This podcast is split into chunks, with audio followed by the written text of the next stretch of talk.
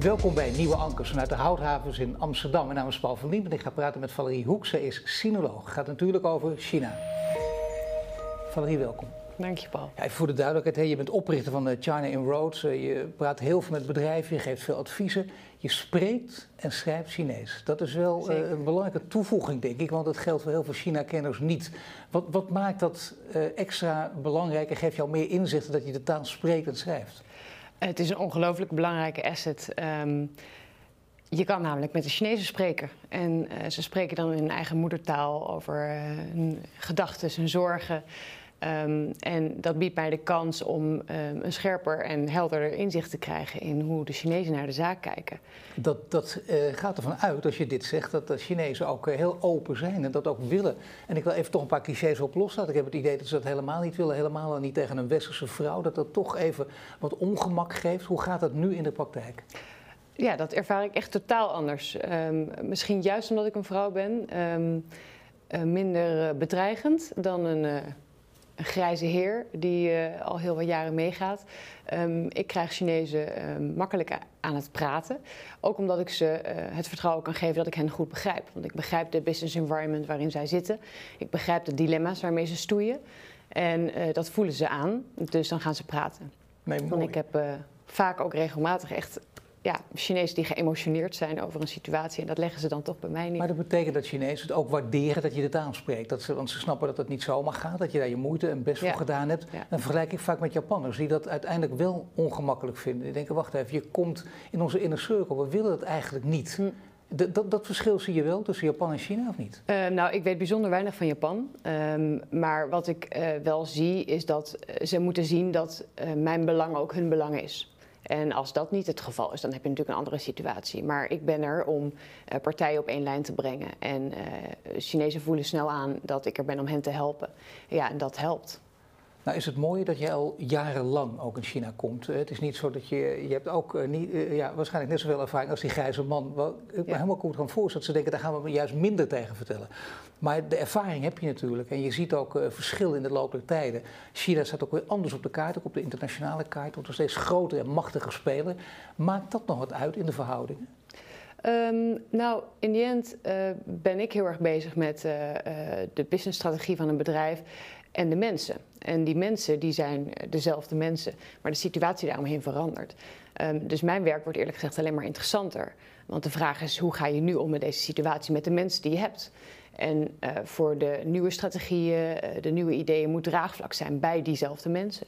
Dus het wordt steeds belangrijker om met elkaar te blijven praten en goed te begrijpen hoe de Chinezen naar de situatie kijken.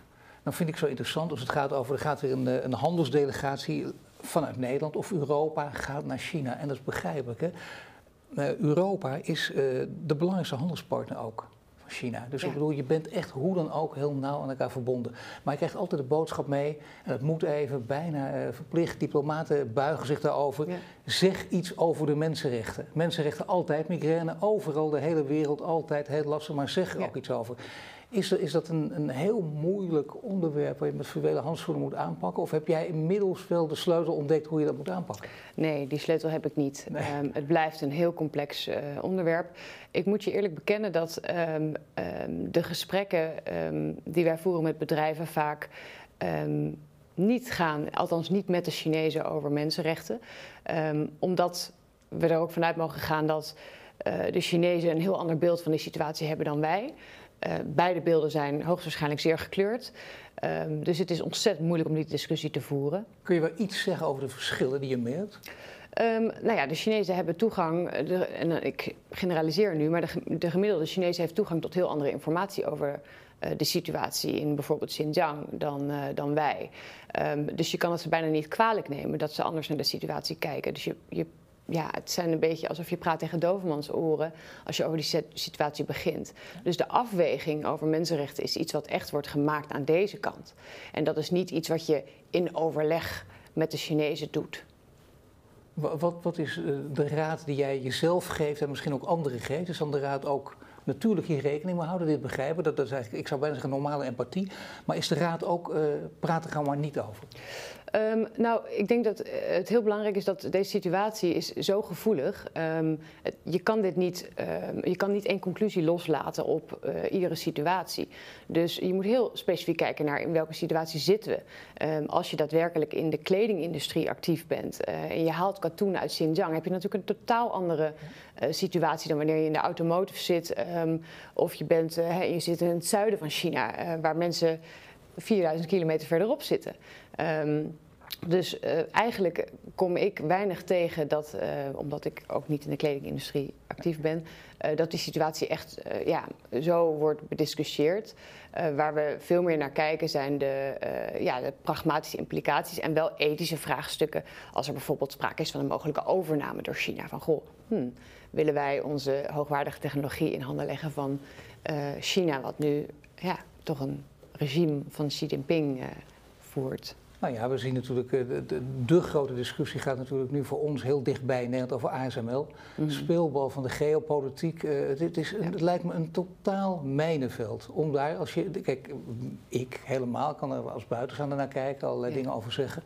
Maar je bent ook CEO, je bent bijvoorbeeld Peter Wenning of, of je bent uh, van, van, van ASML. Of je bent er op een andere manier, heb je daar dicht mee te maken. Hoe moet je daar in godsnaam mee omgaan?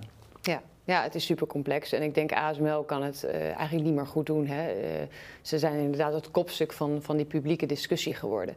Wat wij heel erg merken um, uh, bij de verschillende bedrijven is dat ook binnen de bedrijven de meningen zeer verschillen. Dus wat we vaak doen is um, eigenlijk um, met alle stakeholders, dus de mensen die iets verder van de operatie staan, de supervisory board, maar ook de mensen die on the ground bezig zijn met China, daar hebben we gesprekken mee om eigenlijk te voelen van waar zitten nou al die zorgen. En soms um, moeten we ook heel erg duidelijk een verschil maken tussen een angst van goh, dat China, hè, vooral voor mensen die het niet goed kennen, goh, kunnen we daar nog wel zaken doen, versus de feiten op een rij. En dat proberen wij uh, ja, eigenlijk in een, in een methode te gieten. Dus we doen een, een risicoanalyse waarbij we echt de hele boel afpellen. En op die manier probeer je een proces, een beslisproces te, te valideren. En dan kom je tot een conclusie waarvan je zegt: Oké, we hebben alles bekeken, uh, de voor's en tegens. En we hebben besloten, we gaan door met China, maar wel op deze en deze wijze. Maar dit vind ik altijd heel interessant om te horen, hè? omdat het natuurlijk het gemakkelijk is altijd. En met name als je columnist bent, en er zijn er heel veel van de Nederlanders, als je weet. Nou, die vinden het mm. natuurlijk heerlijk om met een stevige mening te komen. En dan kan het niet. En dan als voorbeeld, kijk maar wat er met Rusland gebeurd is. Ja. En kijk eens hoe moeizaam het was om, voor bedrijven om daaruit terug te trekken. Terwijl het ook hele genuanceerde verhalen zijn. Dat zijn niet alleen maar bedrijven die je meteen ethisch kunt, uh, kunt, kunt aanpakken. Nee. En we doen dat wel toen met, met het grootste gemak. Ja. Bij China uh, wordt er als tweede voorbeeld genoemd. Er zijn dadelijk van de, de, door de, grond, de kritieke grondstoffen heeft China in handen. Even ja. voor het gemak. Daar zijn wij dus heel van afhankelijk. We hebben geleerd dat we niet van het Russische gas en olie afhankelijk moeten zijn. Dus alle bedrijven die met China te maken hebben, kunnen er maar beter uit wegtrekken en, en niks ermee te maken hebben. Want kijk maar wat er in Rusland gebeurd is. Columnisten die deze theorie volgen en dit verhaal naar buiten brengen. Wat zeg je daar tegen? Ja, het is veel te simplistisch. Ja. Um, en dit is het probleem, denk ik, van het publieke debat. We vliegen te hoog over. En het kan niet. Het kan gewoon niet. We zijn te afhankelijk van China. Zullen dat ook heel erg lang nog blijven. He, onze welvaart hebben wij te danken aan, aan grotendeels aan die globalisering, uh, uitwisseling, uh, ons open systeem ook in de wetenschap, uh, het feit dat wij uh, vooralsnog aan de top uh, zitten, komt door onze open houding, komt door die uitwisseling, komt door uitwisseling van waanzinnig slimme mensen, van data. Um, China is op veel vlakken voor ons ongelooflijk belangrijk. En bij iedere case die wij bekijken, zien we eigenlijk dat um, de deuren sluiten voor China in veel gevallen gewoon uh, niet goed uit zal pakken voor, voor het bedrijf of voor Nederland. Het is onmogelijk om tegen je. Stel dat je nu zegt, nou weet je wat, we moeten gewoon een streep trekken, we moeten duidelijk zijn. Dat komt altijd wel makkelijk over en dat komt goed over. Veel mensen hoeven daar hoef je niet te veel na te denken. Dan mm -hmm. verkoop je het ook nog onder Jip en Janneke taal. Ja. Ik heb zo vaak aan tafels met communicatieadviseurs gezeten die dat ook roepen. Mm -hmm. En dan vertel je dat, dan zeg je gewoon niet meer China. Zeg dat nou maar tegen bedrijven klaar. Want dan weten we ook gewoon dat je alleen maar met gedoe te maken hebt, koppen. En er zijn genoeg andere landen ja. waar je op kunt richten. Ja. En dan ontken je inderdaad toch de situatie die bestaat van verwevenheid. Waar ja. je niet, je, je kent ook de geopolitici die hebben over decouplering. Ja. Ontkoppeling, oftewel zorg dat je strategisch autonoom bent en niets meer met ze te maken hebben. Maar Mhm. dat is dus een sprookje, als je dat verhaal Ja, en gelukkig is die kappeling hè, nu een beetje vervangen door de-risking. Zeker. Ehm, nou, dat- daar, ben ik blij mee. Eh, maar dan nog is dat een containerbegrip. Hè? Wat, wat doen we daar dan concreet mee? Eh, misschien om je een voorbeeld te geven. ehm, als wij werken met. ehm, wij werken bijvoorbeeld nu met een, nou, een relatief eh, klein Nederlands MKB-bedrijf. Maar die doen opdrachten voor een heel groot Chinees staatsbedrijf.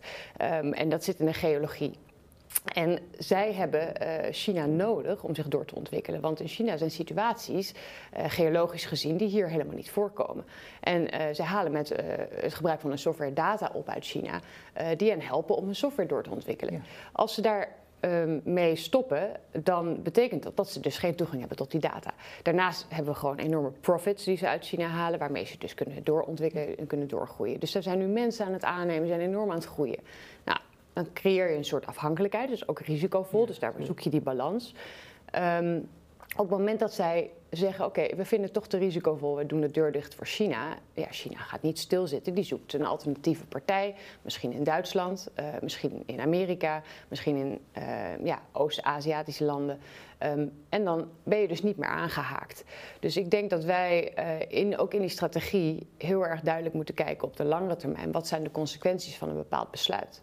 En vooral als je meespeelt in die top eh, binnen jouw industrie wereldwijd, ja, is het gewoon heel belangrijk om daarover na te denken. En dat doen we te weinig. Nee, je moet er sowieso nog veel meer denk ik, over nadenken. Daarom ben ik ook blij dat je hierbij aan tafel zit bij mij. Want het is natuurlijk ook eh, belangrijk om te weten dat er een andere kant is. Die andere kant is namelijk, we moeten wel degelijk voor China opletten. Mhm. China is heel groot, China is heel erg machtig. We kennen de gevaren van AI, de surveillancemaatschappij, eh, eh, hele andere manieren van tegen het leven aankijken. Ja. Wij hebben ook een bepaalde welvaart en een bepaalde manier van leven natuurlijk, die we niet voor niets willen verdedigen. Zeker. Nee, dat- er zijn ook mensen die heel relativerend over Rusland hebben gedaan. En ook hebben gezegd, daar moet je gewoon zaken mee blijven doen. Ja. Kijk naar eh Gazprom natuurlijk en hoe dat uit de hand is gelopen. Ja. Dat soort verhalen wil je ook niet Nee. krijgen in de toekomst met, China. En dan heb je over ethiek gesproken. Dan gaat die rol nog veel verder dan direct één bedrijf denk adviseren. En dan gaat die rol echt wordt, wordt heel erg groot. Mhm. En je moet dus ook op de macht van China wijzen. En dat China eh, misschien kwade bedoelingen heeft. Ja.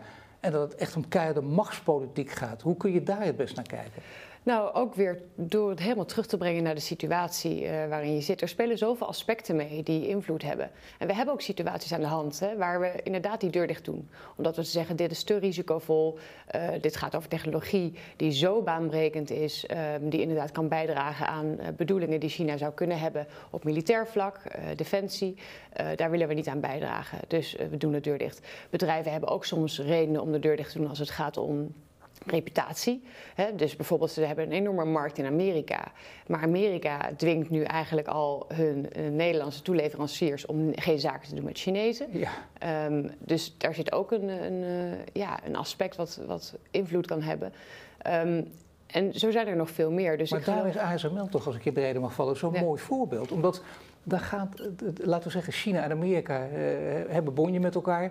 Die voeren een machtsstrijd uit. En dat doen ze over de rug van Nederland en een bedrijf in Nederland. En weliswaar een internationale speler, maar toch uiteindelijk een Nederlands bedrijf, Ja. het Veldhoven. Ja. Echt waanzinnig gewoon. Mhm. En dan ben je die speelbal, dan weet je niet welke kant je op moet. En de rol is heel groot, want jij hebt de, als enige, zeg ik voor het gemak maar even, heb je die halfgeleiders, die heeft China nodig, de echte high-tech. Ja. China zelf heeft de macht met al die chips die wij weer nodig hebben. Ook om onze energietransitie vooruit te krijgen. Dat is natuurlijk het verhaal. Daar, zit je, daar kun je ook zeggen, nou dan is het bijna een academisch probleem. Dat is heel moeilijk. Iemand zal hier toch knopen moeten doorhakken. Ja, ja. En Hoe ik denk, gaat dat dan in de praktijk? Ja, ik denk dat er geen ideale oplossing is. Hè. Dus je maakt een afweging. En ehm, eh, in dit geval ehm, zijn er allerlei argumenten om te pleiten voor verkoop eh, aan China. Economische voordelen, eh, waardoor je dus weer door kan ontwikkelen. De inschattingen van hoe ver China achterloopt op deze ontwikkelingen lopen ook uiteen. Kunnen wij hier niet makkelijk over praten? Want jij bent, mag ik zeggen, je, bent niet, eh, je hebt niets met ASML te Nee. maken. Nee, Jij ziet dit van een afstand, net zoals ik er van een afstand naar kijk. ja. Het is bijna onmogelijk, maar toch, als ik jou probeer te plaatsen in de situatie, dat je er wel mee te maken hebt. Ja. En dat ASML bij jou, bij jouw bedrijf ook aankomt Mhm. en zegt: Ik wil van jou advies. Wat moeten wij doen? ja. Laat je dan toch inderdaad overhellen naar: Doe het maar wel? Ehm, nee, zo makkelijk is het niet. En ik denk ook ASML is een specifieke case omdat het zo eh, publiek is, eh, waardoor er ook heel veel, heel veel politieke belangen meespelen. Ehm, en dat maakt het gewoon eh, heel complex. Dus in die zin zou ik ook niet zo 1, 2, 3 ja, die beslissing op tafel kunnen leggen. Ik denk dat ehm, als je kijkt naar mijn praktijk, de type bedrijven waar we voor werken, zijn minder ehm, ja, aan de voorgrond. Uh, maar zijn ook echt hele mooie Nederlandse bedrijven met zeer vooraanstaande technologieën waar we echt trots op mogen zijn. En ook zij nemen heel weloverwogen beslissingen. En daar zijn er ook een aantal van die zeggen ja. Wij gaan wel degelijk door met China, wetende dat wij over uh, tien jaar met dit huidige product of deze innovatie geen toegevoegde waarde meer kunnen bieden. Dus het is een stok achter de deur om door te ontwikkelen. En dat doen we met de inkomsten die uit China komen. En daar zit mijn hoop en mijn zorg tegelijkertijd. Uh, onze toegevoegde waarde uh, in Europa, die moeten we zien vast te houden. Want wij hebben heel erg de neiging om de hele tijd te denken: oké, uh, China is een bedreiging, wij doen de deur dicht. Maar waar staan wij met Europa? Um, hè, en dan heb ik het niet eens alleen over Nederland, over 10, 20, 30 jaar. Um, daar moeten we heel erg hard aan werken. Nou, gelukkig zijn er allerlei mooie initiatieven, uh, zoals Horizon Europe, uh, waar heel veel geld uh, uit voortvloeit voor nieuwe innovaties. Um, maar de snelheid waarmee het hier gaat versus de snelheid in China, ja, daar zit een groot verschil tussen. Betekent het dat jij instemmend hebt geluisterd ook naar die, die waarschuwende woorden bij de opening van het academisch jaar, de TU Eindhoven? Die Peter Wenning, hè, daar is hij mm -hmm, weer, de, ja. de, de, topman van ASML, daar ten beste ten gehoor gebracht. Hij zei daar namelijk letterlijk ook in, in heel veel dingen, maar dat is er uitgepikt, dat snap ik ook, van wij moeten zorgen dat we in Europa niet ons te zelfgenoegzaam voelen. En dat mm -hmm. we denken dat het allemaal wel goed gaat en dat we heel gelukkig zijn en fijn. Want kijk eens in die ranglijsten. Maar ondertussen gaan China en Amerika denderen door. En wij lopen er echt achteraan als we niet oppassen. Jij kent de praktijk ook, ook in China. Heeft hij daar gelijk in of niet? Nou, op, op sommige vlakken. Hè, je kan dit dus nooit over alle industrieën zeggen. Maar bijvoorbeeld, uh, China is bijna de grootste exporteur van uh, elektrische auto's. Ja. Um, wij hebben dat een beetje laten gebeuren. Uh, en ook in die auto-industrie uh, hebben we met partijen gewerkt die toch vanwege de gevoeligheid hebben gezegd: even pas op de plaats. We doen toch even die deur dicht. Um, ook omdat ze er soms niet eruit komen intern. Nee. Um, het is, is, toch een heel menselijke beslissing. Hè? Je hebt gewoon een discussie met mensen die er zus of zo in zitten en dan kom je tot een besluit. Um, niet altijd volledig gegrond op feiten um, en, en, gevalideerd. Ja, en ik vind het in veel gevallen niet een juiste beslissing, omdat er in China ontwikkelingen uh, soms veel verder gaan dan hier al. En als je dan niet meer uh, aangehaakt bent en je bent niet meer in gesprek met de topspelers, ja, dan. Um, mis je een enorme kans. Nee, die auto's, uh, dat is wel een heel mooi actueel voorbeeld ook. Uh, wij praten nu voor de duidelijkheid even, we nemen dit op op vrijdag 15 uh, september 2023. Ja. Ja. Er kan nog van alles veranderen in de tussentijd, maar toch, de discussie is heel groot in Europa. Toont toch, om het even plat te zeggen, de spierballen. Ja. Dat wil zeggen, luister even China, jullie overspoelen ons met die elektrische auto's, maar dat komt door die oneigenlijk hoge staatssteun. Daar kunnen we nooit tegenop, we moeten daar iets aan doen. Is, is dat een soort, je kent ook de, de, verhouding, je weet hoe, wat diplomatiek ook slim en niet slim is. Is dit wel uh, het nee, gewenst, de gewenste richting? Ik denk dat het heel belangrijk is dat wij op onze strepen staan. Hè. Dat, uh, de unlevel playing field is natuurlijk al heel lang een discussie. Uh, als China mee wil draaien op het wereldtoneel, moeten ze zich ook aan de regels houden. Dus dat, dat, ja, daar ben ik heel duidelijk in. Uh, ik vind het ook heel krachtig dat we als Europa optreden. Dat Brussel dit uit eigen beweging ook deed. Hè. Niet naar aanleiding van klachten van de bedrijven, maar heeft gezegd van wij willen ja, zorgen voor, voor een balans daarin. Um, ja, dus daar ben ik eigenlijk heel positief over. Maar aan de andere kant uh, lijkt het er wel op dat de Chinezen zijn al zover in hun ontwikkeling. En ook uh, de prijs ziet er heel goed uit. Er zijn Europeanen uiteraard net als anderen niet ongevoelig voor. Dat we toch wel degelijk overspoeld zullen worden uh, binnen de kortst mogelijke termijn ja. met die Chinese elektrische auto's. Dat het gewoon niet anders kan. Nee precies. Dus dat, dat, is, dat is een gelopen race volgens mij. Rij je zelf ook in een Chinese elektrische nee, auto of niet? Nee, nee maar, maar even voor duidelijk. Nee, toch niet. Nee, maar we kijken naar een elektrische auto en dan sluit ik het oh, niet toch? uit. Ja. dat ja. zou kunnen. Ja. Nee, want je kunt op alle gebieden wel heel principieel zijn. Dat wel, dingen die wel en niet mogen. Nee, nou het verbaast mij ook uh, ergens. Hè, dat, want de reputatie van China op dit moment, de soft power, is volledig uh, zoek. Uh, en toch zijn er veel mensen die in die Chinese auto stappen. Omdat het gewoon niet veel onderdoet. Sterker nog, misschien wel beter is dan de auto's die hier al rondrijden. Ja, daar zijn heel veel van dit soort uh, inderdaad, verschuivingen die plaatsvinden. Je had altijd zo tegen een bepaald land of werelddeel aangekeken. Dat ligt nu heel anders. Ja. Ik heb het even opgeschreven als rijtje, omdat het toch eigenlijk te veel is om op te noemen. Namelijk, er is een vastgoedcrisis nu in China. Ja. Hè, bij Evergrande en Country Garden. Die staan om omvallen. De export staat onder druk. De jeugdwerkeloosheid, jeugdwerkeloosheid 21 procent. Hele sectoren die lagen aan banden tijdens corona. En dan hebben we niet dus over de economie die moeizaam uh, draait, maar bovendien de overheid kan de huizenmarkt, consumptiebestedingen niet aanzwengelen. En dat is wel het, uiteindelijk komt het daarop neer, dat leidt tot een vertrouwenscrisis. Heel veel dingen in één. Als ik een paar uit mag pikken, dan begint het met die vastgoedcrisis al heel lang, dat zagen we een paar jaar geleden al aankomen. Toen sluimerde dat nog. Dan denken dat lossen de Chinezen ook wel met een lange termijn politiek. Maar is daar grote paniek nu op dat gebied? Nou, paniek is een groot woord, maar ehm, eh, ik zit regelmatig in China en dan uh, spreek ik met veelal hoogopgeleide, internationaal georiënteerde ondernemers. Ehm, en je merkt wel dat er wat aan de hand is. Ik heb, echt ik heb nog nooit in mijn netwerk zoveel mensen gehad die uh, in between jobs zijn. Um, ik heb mensen die um, uh, salaris moeten inleveren. Dan heb ik het over bijvoorbeeld een, um, een man die werkt in de bankensector en die moet 40% van zijn salaris uh, inleveren onder het mom van uh, we moeten allemaal een steentje bijdragen.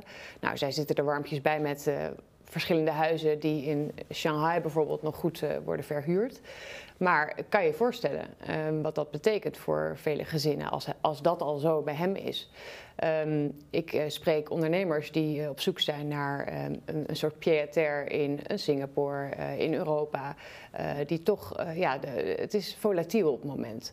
Maar dat pied-à-terre met de bedoeling om ook daadwerkelijk te verhuizen, of is dat nog niet zo makkelijk? ze kijken naar een backup.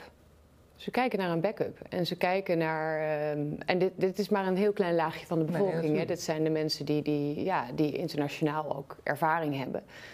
Um, maar het is wel uh, zorgwekkend. Um, tegelijkertijd, uh, als, uh, als een volk resilient is, weerbaar is, dan zijn het de Chinezen. Um, en wat de Chinezen heel goed kunnen, is op die lange termijn denken. Um, dus ik ben heel benieuwd. Als je nu de kranten leest, staat er de bol van, van nou, het, momentum voor China is voorbij. Ik ben heel benieuwd wat wij over tien jaar lezen in de kranten en hoe we dan terugkijken op de commentaren van nu. um, want dat is, ja, China verrast ons met name uh, de afgelopen decennia. Waar wij hoopten dat uh, met uh, de groeiende economie ook de democratie zou komen, is het een hele andere wending opgegaan ik, ik, ja, ik, ben ook, ik heb ook geen glazen bol. Um, maar veel Chinezen uh, zien dit als een hobbel die ze over moeten. Um, en hebben nog wel vertrouwen. Um, het enige wat ik voel is dat de, hè, er was er, tijdens COVID is natuurlijk gewoon best wel veel onrust ontstaan. het, het duurde heel lang, ze werden heel snel aan banden gelegd. Ja, ja, en ook de crackdowns op uh, grote techbedrijven hè, onder het mom van ze worden te machtig. Um, uh, dit is, ja, en ook Xi Jinping heeft ook echt wel uitgesproken van wealth is niet meer het, goal, het doel aan zich. Wij willen gewoon common prosperity. Um, het moet een, een, ja, een groei zijn die kwalitatief is. Um, Economist schreef heel mooi van um, the party is too powerful to stop its own power. En dat zie je uh, nu ook een beetje gebeuren. Dat, dat partijen dus niet, of dat eigenlijk de, de private ondernemingen niet zo goed weten wat er gaat komen. En dat dat interveneren van de overheid ja. heel storend werkt. Dus er is geen stabiliteit. En dat maakt dat veel partijen heel onrustig zijn. En maar toch, toch zeg je, merk je, is er nog wel degelijk vertrouwen vanwege de bewezen veerkracht door de jaren heen. Ja. Maar die backup, dat, dat gaat toch wel een bepaalde kant op. Want jij spreekt hier natuurlijk die Chinese uh, ja. Uh, ondernemers. Ik sprak een paar Nederlandse ondernemers, die ook in Shanghai, toen in grote opkomst, een jaar of tien geleden. Toen ja. viel me op dat er drie achter elkaar grote ondernemers uit Nederland die daar echt met, heel, met enthousiaste verhalen kwamen. Oh, je moet goed worden geweest, je moet er nog vaker naartoe, want Shanghai. Nou, inderdaad, klopt ook. Inderdaad, booming. En vergelijk het maar eens drie maanden later, wat ik één keer deed met New York. Dan denk je, New York staat stil. Ja. Zo'n sfeer was ja. het toen. Maar diezelfde mensen, vijf jaar later, zijn met hun gezin verhuisd naar Canada. Ja. Wat ook allemaal mensen dus inderdaad met heel veel geld en mogelijkheden. Maar die dachten, nee, hier niet meer, want de mm. smok die ook in de lucht hangt, ook mm -hmm. op het klimaatgebied, dit gaat China niet meer redden. Nee is het nu, speelt het alleen maar voor, voor die, laten zeggen, die 1% hoger uh, opgeleide mensen met heel veel geld? Mensen die echt aan de top staan? Of geldt dit, denk jij, voor steeds meer mensen? Begint dit bijna een trend te worden? Um, nou, kijk, alle ondernemers hebben het gewoon zwaar. He, dus uh, bedrijven waarmee wij werken, die hebben gewoon geen vet meer op de botten. Die hebben net COVID achter de rug, um, uh, zijn teleurgesteld in het beleid van, uh, van de lokale overheid. Um, maar hebben niet die mogelijkheden om te vertrekken. Nee. En zijn heel wendbaar. de Chinezen zijn ongelooflijk wendbaar. En uh, wij hebben bedrijf, een bedrijf bezocht, zit in de afvalverwerking. Uh, en die zeggen, ja, momenteel is er gewoon vanuit de provincies weinig geld om te investeren in projecten. Uh, wij gaan ons richten op een ander segment. En dan gaan ze aan de slag en gaan ze doorontwikkelen. Ja. Um, ze, dus ze gaan niet bij de pakken neerzitten. En het gevoel van saamhorigheid is iets wat wij hier volledig zijn kwijtgeraakt, maar in China ja. nog steeds uh, heel erg leeft. En ja, tot uh, over de top wordt aangewakkerd nu met, door educatie en de filosofie van Xi Jinping. Maar het doet wel wat. Dus mensen hebben het gevoel dat ze nu gezamenlijk, dus, uh, gezamenlijk de schouders eronder moeten zetten. Ja, die saamhorigheid speelt nog steeds een rol. Ik vind het wel mooi, ik spreek de taal toch helemaal niet. Jij wel. Dat betekent altijd wordt er weer naar boven gehaald. Het woord voor uh, individualisme, wat, wat wij ja. koesteren, heel ja. erg belangrijk vinden. Ja. Dat staat synoniem aan egoïsme in China. Is dat waar of niet?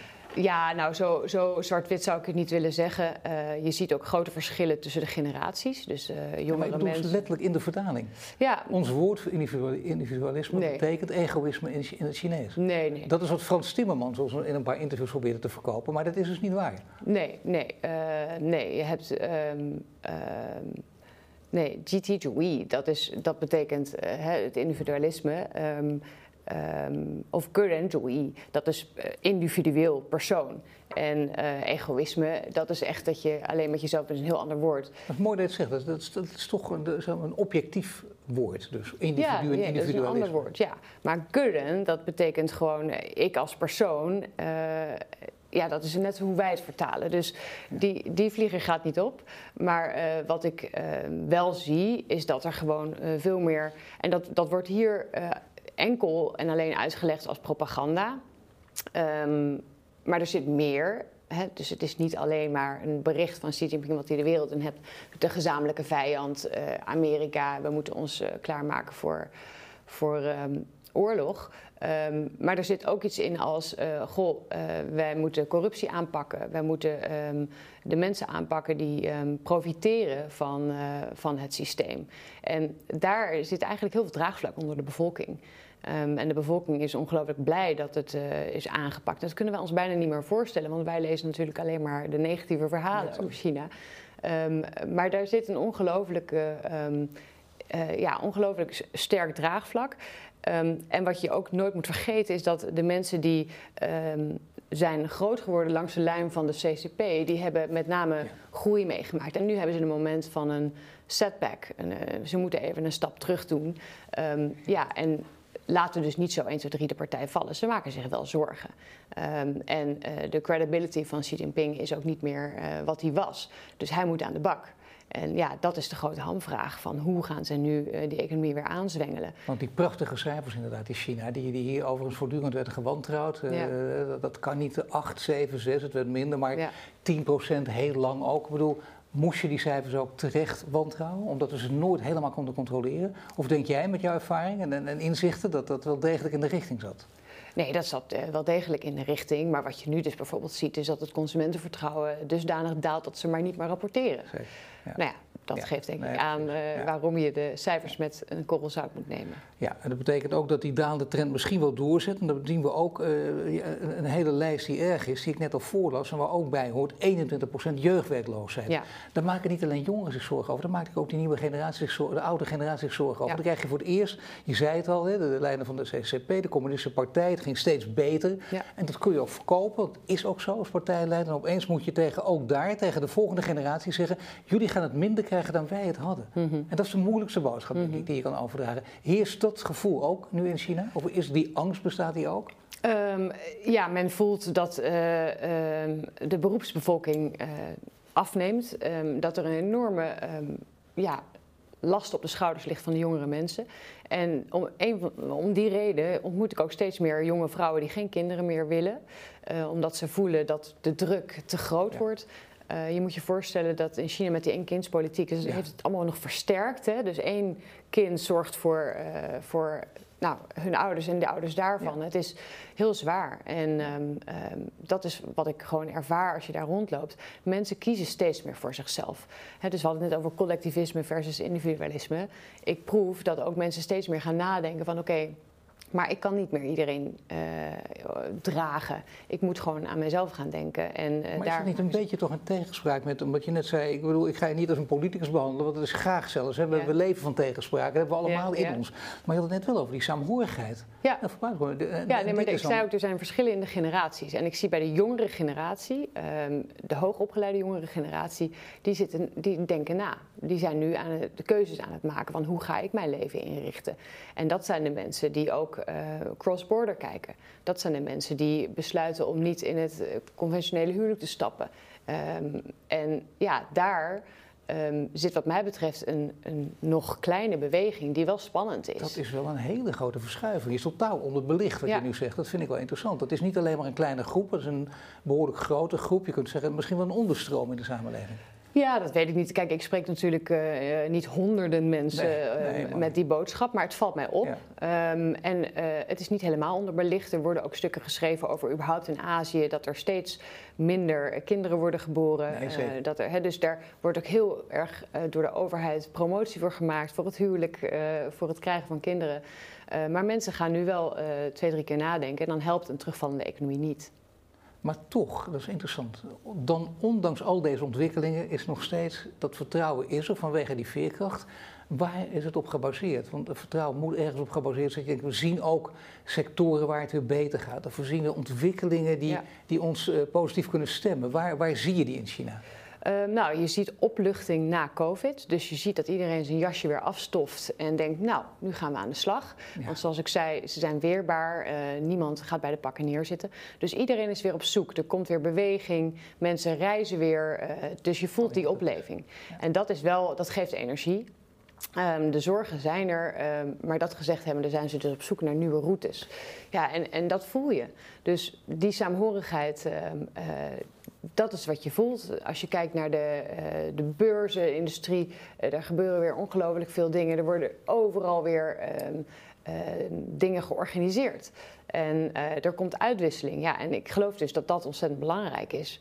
en ook nodig voor de uitwisseling met Europa bijvoorbeeld, om weer met elkaar in gesprek te raken. En je had het al over routes. Nou, de, de bekende nieuwe zijderoute de Belt and Road, uh, het Belt and Road Initiative, ooit zo genoemd en nog steeds natuurlijk, maar voor ons gemak nu even steeds een nieuwe zijderoute. Ja. Krijgt concurrentie, de specerijroute, pas op de G20. India nam het voortouw, heel veel andere landen doen mee. Het Westen gaat er ook aan meedoen. Dus het komt er in de praktijk op neer. Wij gaan in het Westen, als we het geld tenminste willen, willen doneren of ergens vandaan halen, misschien wel uit uh, ja, commerciële hoek, maar dan gaan wij dus ook meewerken aan, uh, aan spoorbanen die door de woestijn lopen in Arabië. Dat zou een soort concurrent van die, van, van die Chinezen worden, want ja, China kan het ook best hebben, omdat de hele wereld van alles nodig heeft. Is China nog steeds, uh, die, die, die zullen schrikken misschien van het initiatief, maar ze waren niet op de G20. Heeft China dan nog steeds het zelfvertrouwen dat ze denken, we kunnen makkelijk daar wegblijven, want wij zijn nog sterk genoeg en wij zijn toch superpower nummer 1, zeker in 2050. He, want ik zie ook steeds benadrukt, overal waar die komt. Ja, ja kijk, um, er is wel wat gebeurd de afgelopen jaren. En uh, waar de soft power van China zeer hoog was, uh, zo'n vijf, zes jaar geleden, uh, is die heel hard gekelderd. Um, en dat, ja, daarmee heeft China zichzelf enorm in de vingers gesneden. Um, en je ziet dus dat er ook steeds meer kritisch wordt gekeken naar um, investeringen vanuit China. vitale infrastructuur uh, wil men niet meer. En dat geldt niet alleen voor Europa, dat geldt ook voor andere delen van de wereld. dus in die zin is het een logisch gevolg hè, dat wij proberen onze eigen infrastructuur te bouwen zonder inmenging van China. Nou is het wel zo dat China uh, zich uh, op, hierop richt natuurlijk, heeft al heel lang gedaan. Die heeft enorme voorsprong natuurlijk, omdat ze nou eenmaal de eerste waren. Dat betekent dat ze ook 63% van de zeldzame aardmetalen nodig voor de energietransitie, ja. voor alles, hè, voor auto's, voor, voor uh, de iPhones hebben ze ja. gewoon nodig.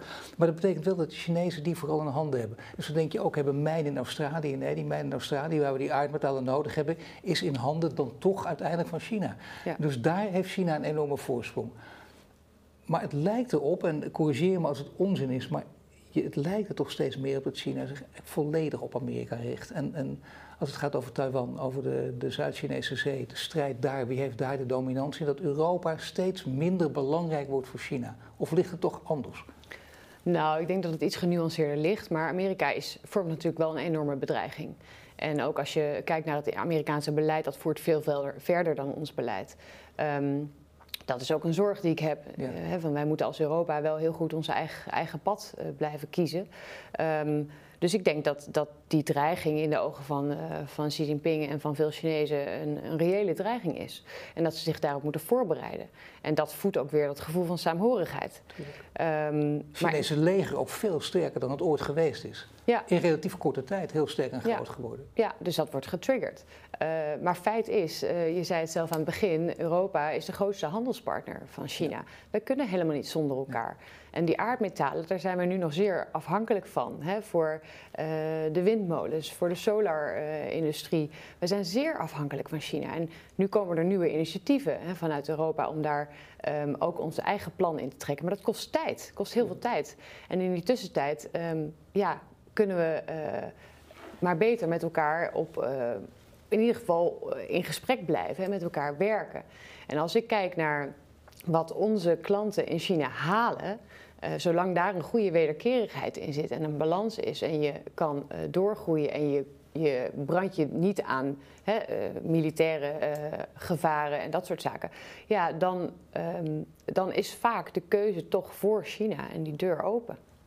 Dus het is uiteindelijk, maar Chinezen zelf zullen uiteindelijk ook denken: luister even, kijk, wij hebben één land, ook al is het heel, inderdaad, ook dat is veel genuanceerder, maar toch met één leider en eh, die kan een bepaalde kant op gaan, die kan uh, vooruitkijken, dat kan niet in Europa. Wat is Europa eigenlijk? Europa is makkelijk in, in deze nieuwe terugkerende tijden van realpolitiek en machtspolitiek, mm. is makkelijk uit te spelen. Want ja, wat is Europa? Al die verschillende landjes die lekker ruzie met elkaar hebben, daar kunnen we heel makkelijk zaken mee doen. Speelt het ook in de hoofden van China mee, of niet? Ja, uh, ja, ja, het kan niet anders. Ja, wij zijn natuurlijk versnipperd. En um, we hebben natuurlijk wel gezien bij de invasie in Oekraïne um, hoe saamhorig we kunnen zijn als het moet, onder druk. Um, en dat heeft uh, China ook wel eventjes aan het denken gezet van, goh, hmm, uh, toch opeens een team. Um, ja, ik denk dat wij uh, relatief laat in actie komen nu. En um, dat we nu allemaal wel wakker zijn. Hè. Ook de bedrijven uh, waar de zorgen spelen, die worden nu uitgesproken. Ook daarbuiten. Mensen uh, winnen er geen doekjes meer om. Ook binnen het onderwijs is men bewust van de gevaren. Um, maar tegelijkertijd realiseert iedereen zich dat China ook heel veel brengt. En we moeten, we moeten met hen werken. En iedereen zegt die we spreken, laten we niet op een Nederlands niveau uh, acteren met China. Um, maar op Europees niveau en samenwerken daarin. Ja, en dat is gewoon heel moeilijk met een poldermodel waar we eindeloos discussiëren, weinig snelheid kunnen maken. Um, Natuurlijk, maar dan vanuit Chinees perspectief, daar kun je dus gebruik van maken. Dan kun je verdeel en heer spelen en dat gebeurt ook, regelmatig. Uh, Italië weer wil of geen toegang tot de nieuwe zijderoute. Al dat soort verhalen blijven natuurlijk altijd spelen en zo. Daar maakt China dus uh, makkelijk gebruik van ook. En de belangen zijn ook per land verschillend. Um, uh, dus dus daar, daarop spelen ze ons uit. Dat is zeker... Als we alleen naar Nederland kijken en specifiek op Nederland gericht, hoe belangrijk is Nederland voor China? en China van Nederland? Ja, uh, wederkerig, uh, zeer belangrijk. Uh, China, of Nederland is natuurlijk een beetje de gateway to Europe. Dus wij zijn binnen Europa volgens mij de tweede handelspartner. Um, dus ook dat voert heel ver. Hè. Ja, dat klopt. Nee, je hebt je gelijk. Dat is inderdaad heel opvallend zo. Ja. Ja. Wist ik ook niet. Nee. ik in de voorbereiding van dit gesprek dacht ik, hoe is het mogelijk toch? Ja. Hoe kan dat? Ja, een klein land. Maar wij zijn natuurlijk ook doorvoerland hè, voor veel uh, producten. Ja. Um, maar het is ook uh, zo... Uh, kijk, als je kijkt naar, naar kritische aardmetalen, zoals je net aangaf...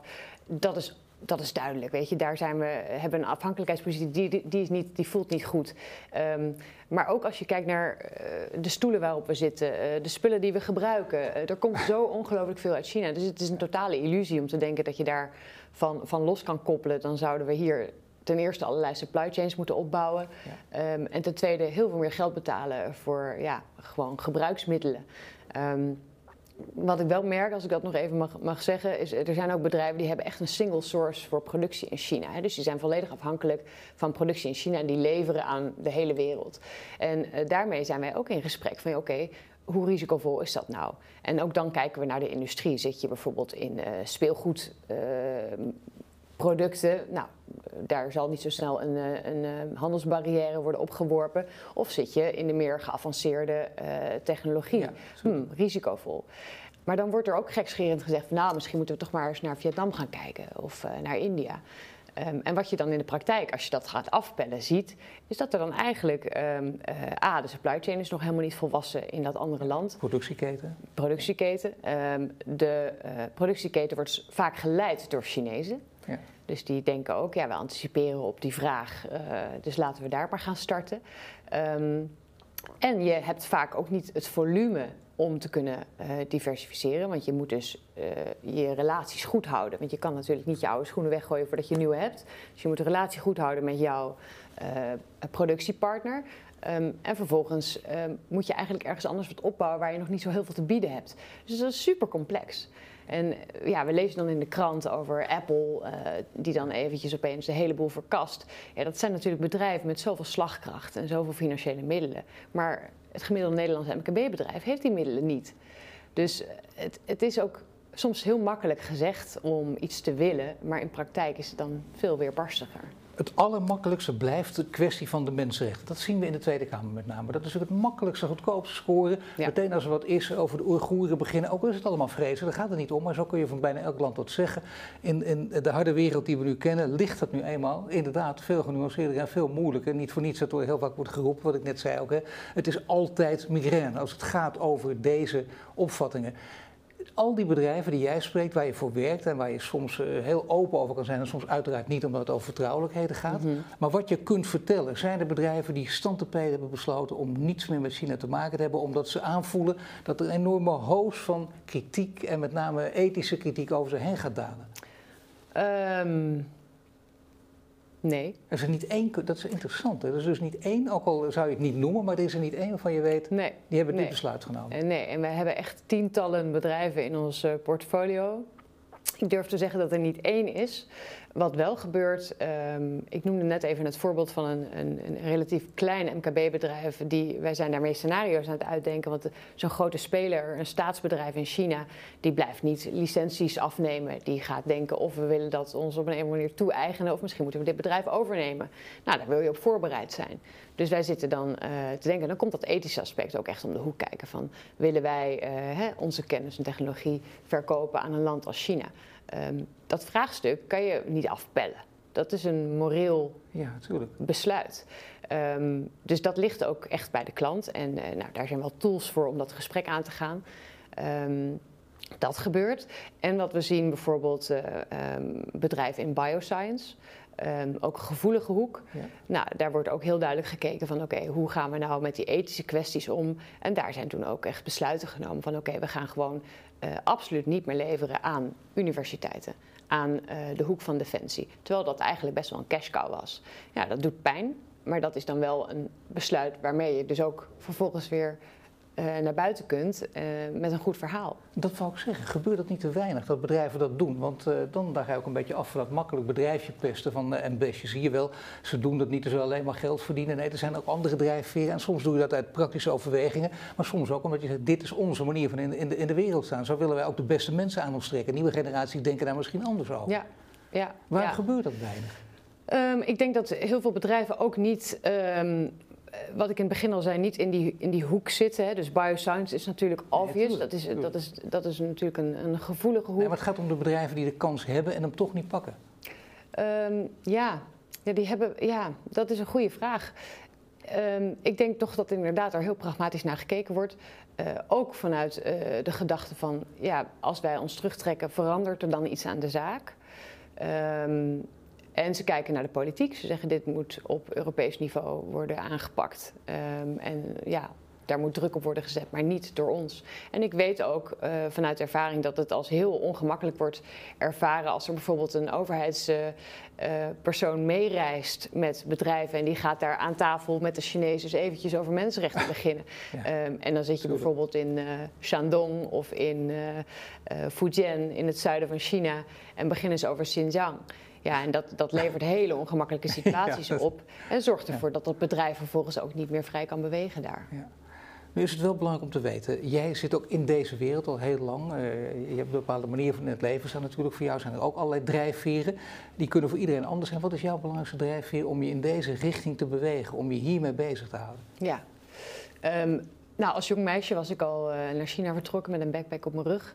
Um, en wat mij toen uh, enorm greep was het feit dat je uh, middels die taal kon begrijpen waar, waar mensen vandaan kwamen. Wat was hun visie, wat was hun achtergrond. En dat China zo anders is dan wat wij hier hebben, vond ik dat dus beren interessant. En dat is nog steeds, denk ik, de leidraad in mijn werk. Ik probeer continu inzicht te krijgen in wat de lokale Chinees in China uh, denkt. En wat je gewoon hier heel erg ziet, en vooral in een situatie waar het lastig wordt, is dat er um, strategieën worden bedacht voor het bedrijf in China. Um, er worden herstructureringen doorgevoerd voor het bedrijf in China, maar zonder de lokale mensen te betrekken. En in mijn rol heb ik de kans om continu die lokale mensen uh, te bevragen en hun inzichten, die zeer waardevol zijn en vaak veel beter dan wat er hier wordt bedacht, want ze kennen hun eigen markt uh, door en door. Ja, um, ja die, die, die inzichten gebruik ik om hier de mensen te helpen bij het juiste beleid. Um, en dat voelt als een hele dankbare taak. Um, en ik geloof dat als het moeilijk wordt, moet je niet weglopen, maar juist de dialoog aangaan. Nou, dat is wat ik kan doen in mijn werk. Dus ja. En er zijn natuurlijk veel wetenschappers die, die steeds meer uh, naartoe hellen. Dat ze zeggen, kijk, pas op voor de Chinese vijand. Dat is een ander verhaal dan jij nu ook vertelt. Een veel genuanceerder verhaal dat jij hier op tafel legt. Um, denk je dat, dat je, ben je met andere woorden eigenlijk positiever over China gaan denken? Of zie je China ook steeds meer als een, als een gevaarlijke vijand in een wereld, die, een nieuwe wereldorde die aan het ontstaan is, waar we inderdaad te maken hebben met, met keiharde machtspolitiek? Ja, nee, ook ik ben realistisch natuurlijk. Hè. Het, is, het is een, um, de ideologie is totaal een andere dan, dan degene die wij kennen. En dat, um, dat voelt angstig aan. Um, maar het neemt niet weg dat het een wereldeconomie is waar we mee te dealen hebben. Dus, um, ja, en waar we ook nooit los van zullen komen, wat er ook gebeurt. Veel en veel groter dan Rusland, dat wordt ook nog maar eens vergeten. Ja, ja we, we kunnen, dat hebben we volgens mij nu een paar keer aangezet, maar we kunnen niet zonder China. Um, en uh, wat we moeten proberen is iedere keer uh, zonder aannames, maar hè, dus te onderzoeken van hoe zit de situatie daar. En dan pas, als je dat goed doet, kan je tot een gedegen conclusie komen. En dat moet case by case. En dat kan niet, we kunnen niet alle bedrijven over één kam scheren. Nou, dat is een geweldig einde, denk ik, eh, van dit gesprek. Zo'n mooie zinnen zo. Die hebben we niet van tevoren afgesproken. Ik dank je oprichter van China Inroads, uh, sprekend en schrijvend in het Chinees, sinoloog Valerie Hoeks. Dank je wel. En u natuurlijk hartelijk bedankt voor het luisteren naar dit interview.